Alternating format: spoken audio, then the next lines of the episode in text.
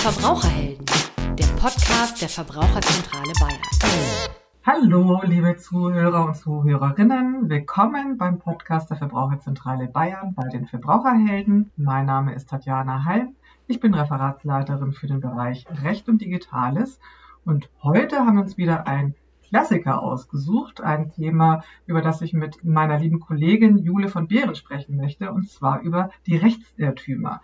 Wir kennen es ja alle, man meint zu wissen, was und wie die rechtliche Situation ist, egal ob im Laden, beim Umtausch, mit dem Widerruf. Und ähm, dann kommt die Situation doch anders, als man meint. Und das ist immer äh, natürlich auch so ein bisschen die Problematik, dass man hier vermeintlich sich auf der sicheren Seite fühlt. Aber wie dann das Recht doch ausgelegt werden muss, das ist vielleicht nicht immer so ganz klar und eindeutig.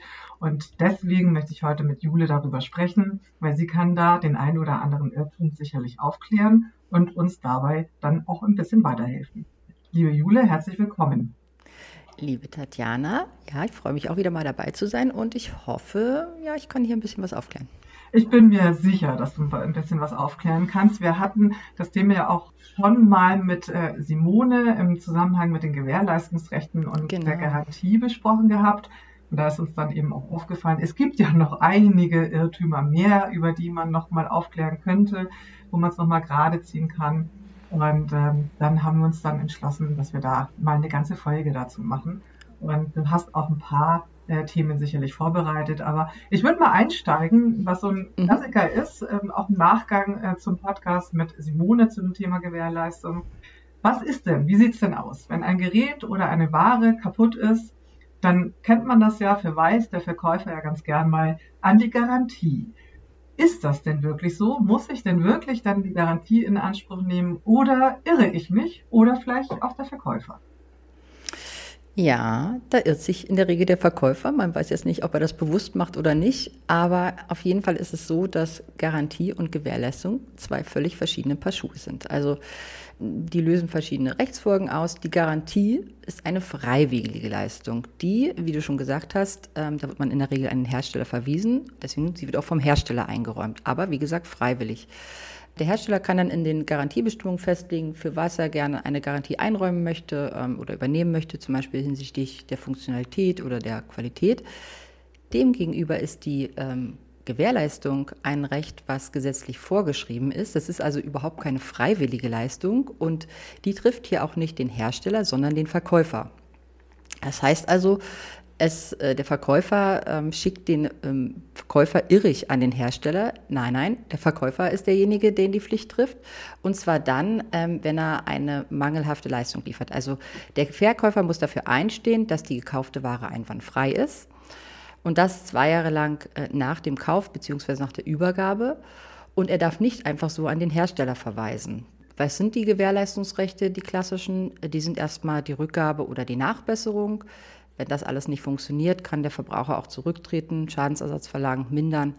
Aber wie gesagt, da kann sich der Käufer dann an den Verkäufer richten und muss sich auch nicht verweisen lassen. Ah, da fällt mir ein, äh, es ist häufig so, gerade wenn ich so im Technikbereich was einkaufe, dann wird dann an der Kasse auch gerne gesagt, Sie haben zwei Jahre Garantie. Ähm, das ist dann auch immer so der Moment, an dem ich mir denke, nee, ich habe ja eigentlich zwei Jahre Gewährleistung, aber das ist dann wahrscheinlich auch so ein bisschen die Ursache dafür, dass man irgendwann diesem Irrtum unterliegt. Man hätte immer mhm. Garantie. Also das ist ja so langläufig das, äh, was man dann immer sagt. Genau, und das ist halt wirklich ein Irrglaube. Das sind zwei verschiedene Paar Sachen. Ähm, Im Prinzip ist es eher so, dass die Garantie bestenfalls die Gewährleistung ergänzt, aber wenn ein Mangel besteht, dann ist die Gewährleistung ähm, das richtige Rechtsmittel. Wir fassen zusammen und merken uns, Garantie ist nicht Gewährleistung und wir versuchen erstmal die Gewährleistung dem Verkäufer gegenüber geltend zu machen. Und wenn es keinen Mangel gab oder wenn es später kaputt gegangen ist, kann man ja immer noch gucken, ob man eine Garantie in Anspruch nehmen kann. Ganz richtig, das ist der beste Weg. Jetzt sind wir beim Kauf ähm, und wir haben ja auch gesagt, das mhm. Thema Kauf und Rückgabe hatten wir ja mit dem ja auch schon besprochen. Auch ein Klassiker unter den Irrtümern, der auch immer wieder in der Verbraucherberatung ähm, auftritt äh, und über den sich sogar Verbraucher gerne beschweren, ist dieses 14-tägige Rückgaberecht, was immer das auch heißen mag in dem Moment. Also viele glauben, dass man jeden Vertrag 14 Tage rückgängig machen kann oder zumindest jeden Kauf 14 Tage rückgängig machen kann. Wie sieht es denn damit mhm. wirklich aus? Ähm, es gibt tatsächlich ein 14-tägiges Rückgaberecht. Das besteht allerdings nur bei Online-Verträgen. Bei Online-Verträgen ähm, ist es ja so, dass äh, ich natürlich nicht anprobieren kann, wenn ich ein Kleid bestelle, äh, wie groß ist es. Das kann ich erst machen, wenn es zu Hause ist. Und wenn ich dann feststelle, ah, das passt nicht, dann muss ich ja irgendwie die Möglichkeit haben, das zurückzugeben.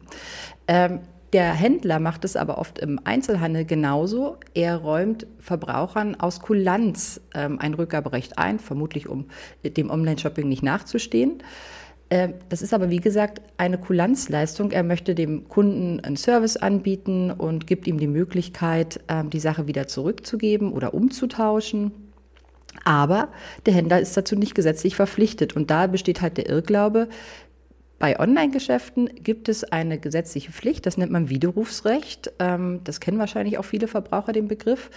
Im Handel, im Einzelhandel, analog vor Ort, gibt es diese Verpflichtung nicht. Da ist es ein Kulanzthema für die Kundenbindung und bei, ähm, einem, einer, bei einer Kulanz kann natürlich auch der Händler bestimmen, unter welchen Voraussetzungen er ähm, die Sache zurücknimmt, zum Beispiel.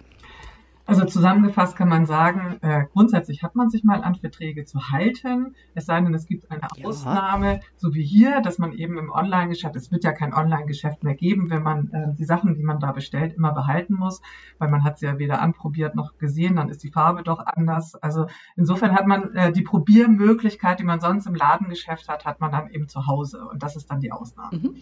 Ähm, genau. Jetzt ist ja so mit Umtausch und Rückgabe, es ist ja häufig so auch im, Laden, äh, im Schlussverkauf, dass es dann heißt, äh, äh vom Umtausch ausgeschlossen. Äh, dann geht's dann um reduzierte Ware. Wie sieht's denn dann mit reduzierter Ware aus? Kann die denn vom Umtausch ausgeschlossen werden und in jedem Fall? Also ist dieses vom Umtausch ausgeschlossen immer rechtens? Also in diesem Fall sagen Juristen immer, es kommt drauf an. Also es kommt drauf an, ob die Ware ähm, einwandfrei ist oder einen Mangel hat. Wenn die Ware einwandfrei ist, ähm, dann besteht ja nur noch ein Recht, ähm, aus Kulanz umzutauschen, also wenn der ähm, Händler das einräumen würde.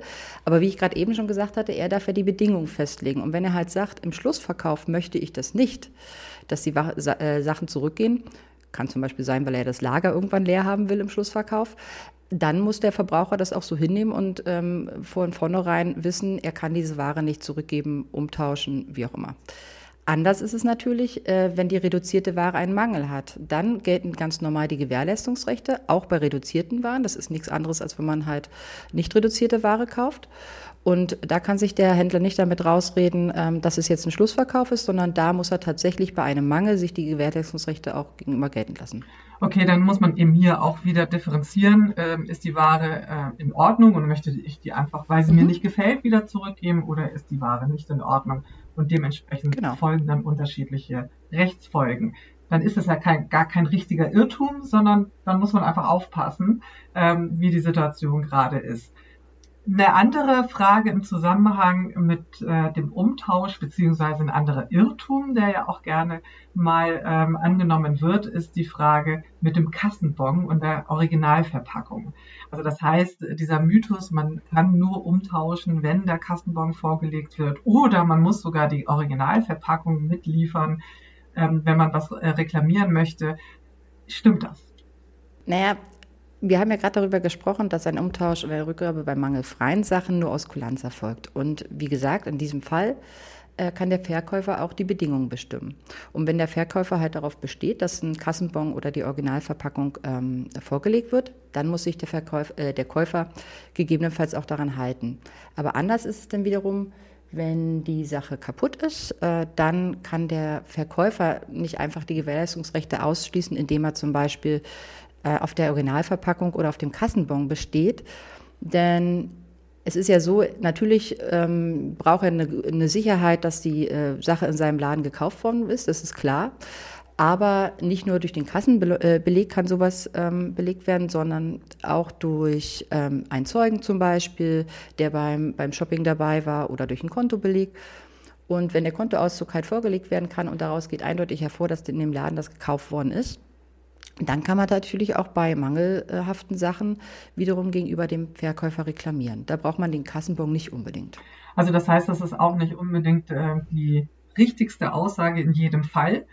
dass man genau. einen Bon braucht oder eine Originalverpackung. Also wenn die Ware kaputt ist, dann kann man trotzdem zum Verkäufer gehen. Wir haben ja gelernt zum Verkäufer und nicht zum Hersteller und dort dann eben reklamieren und äh, seine Rechte geltend machen. Mhm. Wir sind immer noch beim Kauf. Ja, der Kauf hat viele Sachen. Ja, man macht es aber auch ständig und da ergeben sich natürlich auch viele Irrtümer. Ähm, aber wir bleiben jetzt mal beim Kauf mit seinen vielfältigen Themen, die er dann doch liefert, und zwar der Preis. Der Preis ist ja mhm. natürlich auch immer spannend und wer kennt das nicht? Da freut man sich ein äh, Schnäppchen gefunden zu haben und dann ist dann was ausgezeichnet günstig und auf einmal stellt man an der Kasse fest, da wird ein anderer Preis angegeben. Und da kann man sich natürlich auch darüber irren, wie jetzt dann die Rechtslage ist, weil man ja vielleicht oder häufig davon ausgeht, der Preis zählt, der ausgezeichnet wurde. Stimmt das denn? Das stimmt leider nicht. Und es ist sicherlich ärgerlich, wenn an der, Preis, äh, an der Kasse plötzlich ein anderer Preis angegeben ist als zum Beispiel im Regal oder Prospekt. Das kann natürlich manchmal daran liegen, dass noch der alte Wochenpreis von der Vorwoche eingegeben ist ähm, oder an, ausgezeichnet ist und an der Kasse dann ein anderer Preis eingegeben wird. Ähm, es ist so, dass Preisangaben äh, im Prospekt oder auch am Regal, in der Webseite nicht verbindlich sind für den Verkäufer oder für den Händler. Maßgeblich ist das, was an der Kasse eingetippt wird. Denn an der Kasse verständigen sich Käufer und Verkäufer über den Preis. Dort wird der Vertrag geschlossen.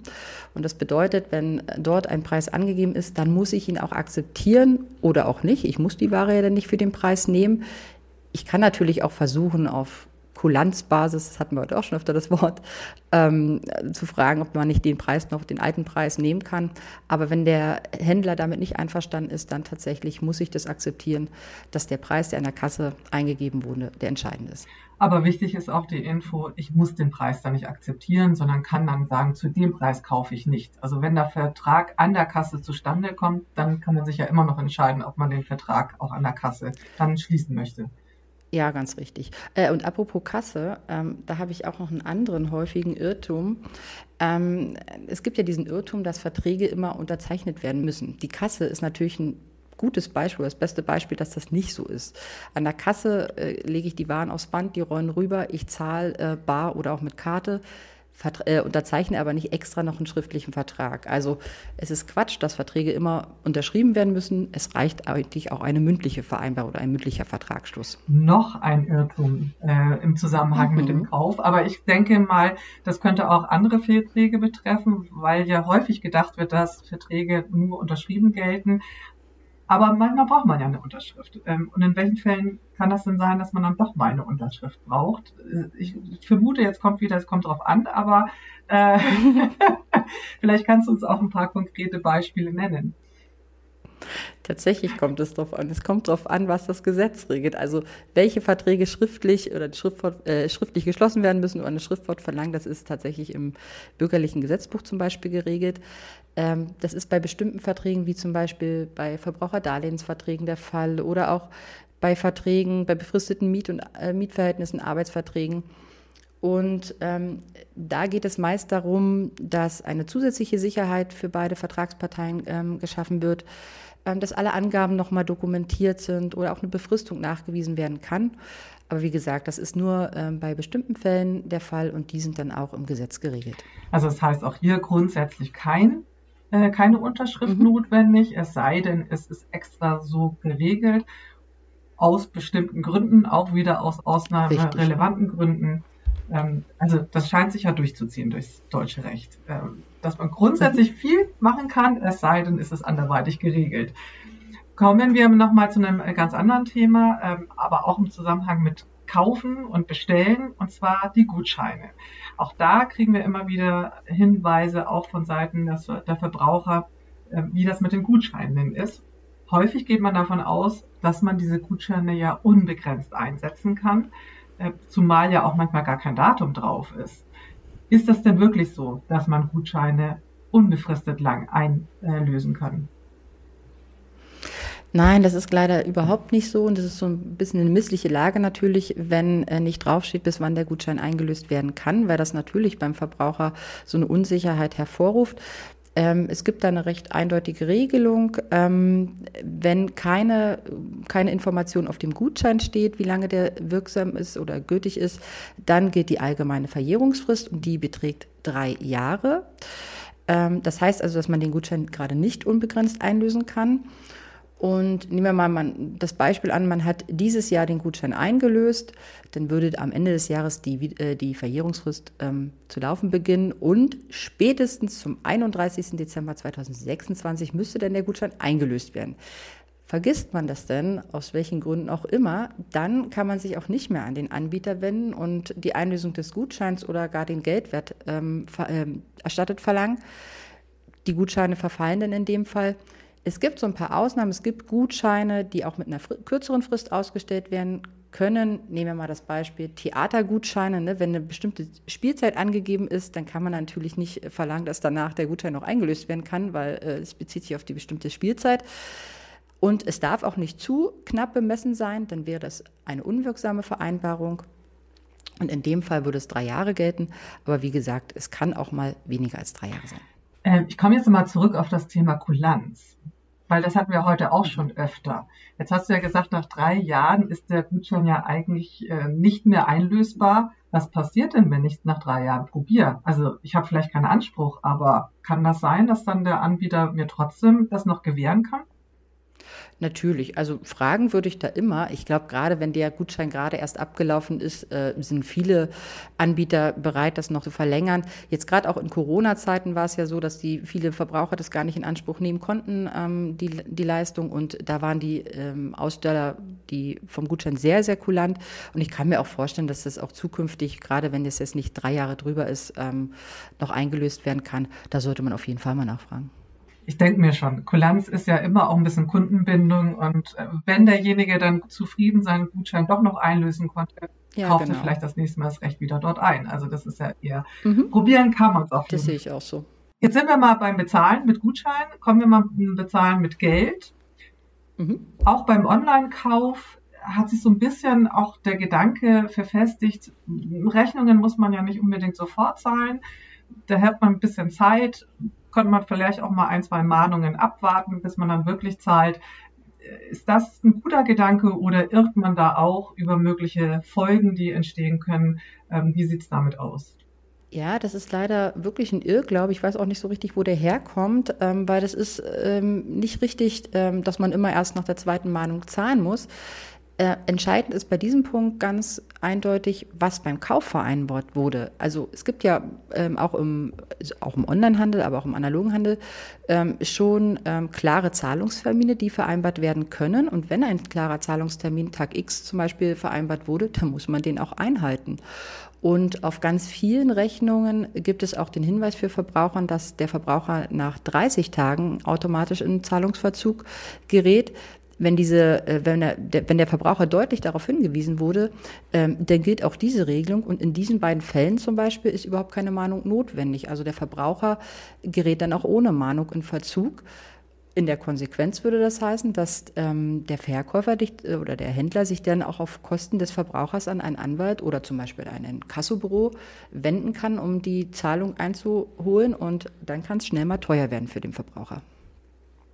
Also das heißt, das ist wirklich ein ganz ähm, ja, folgenreicher Irrtum, äh, zu meinen, ohne Mahnung kein Verzug. Nö, man sollte dann doch möglichst schnell zahlen.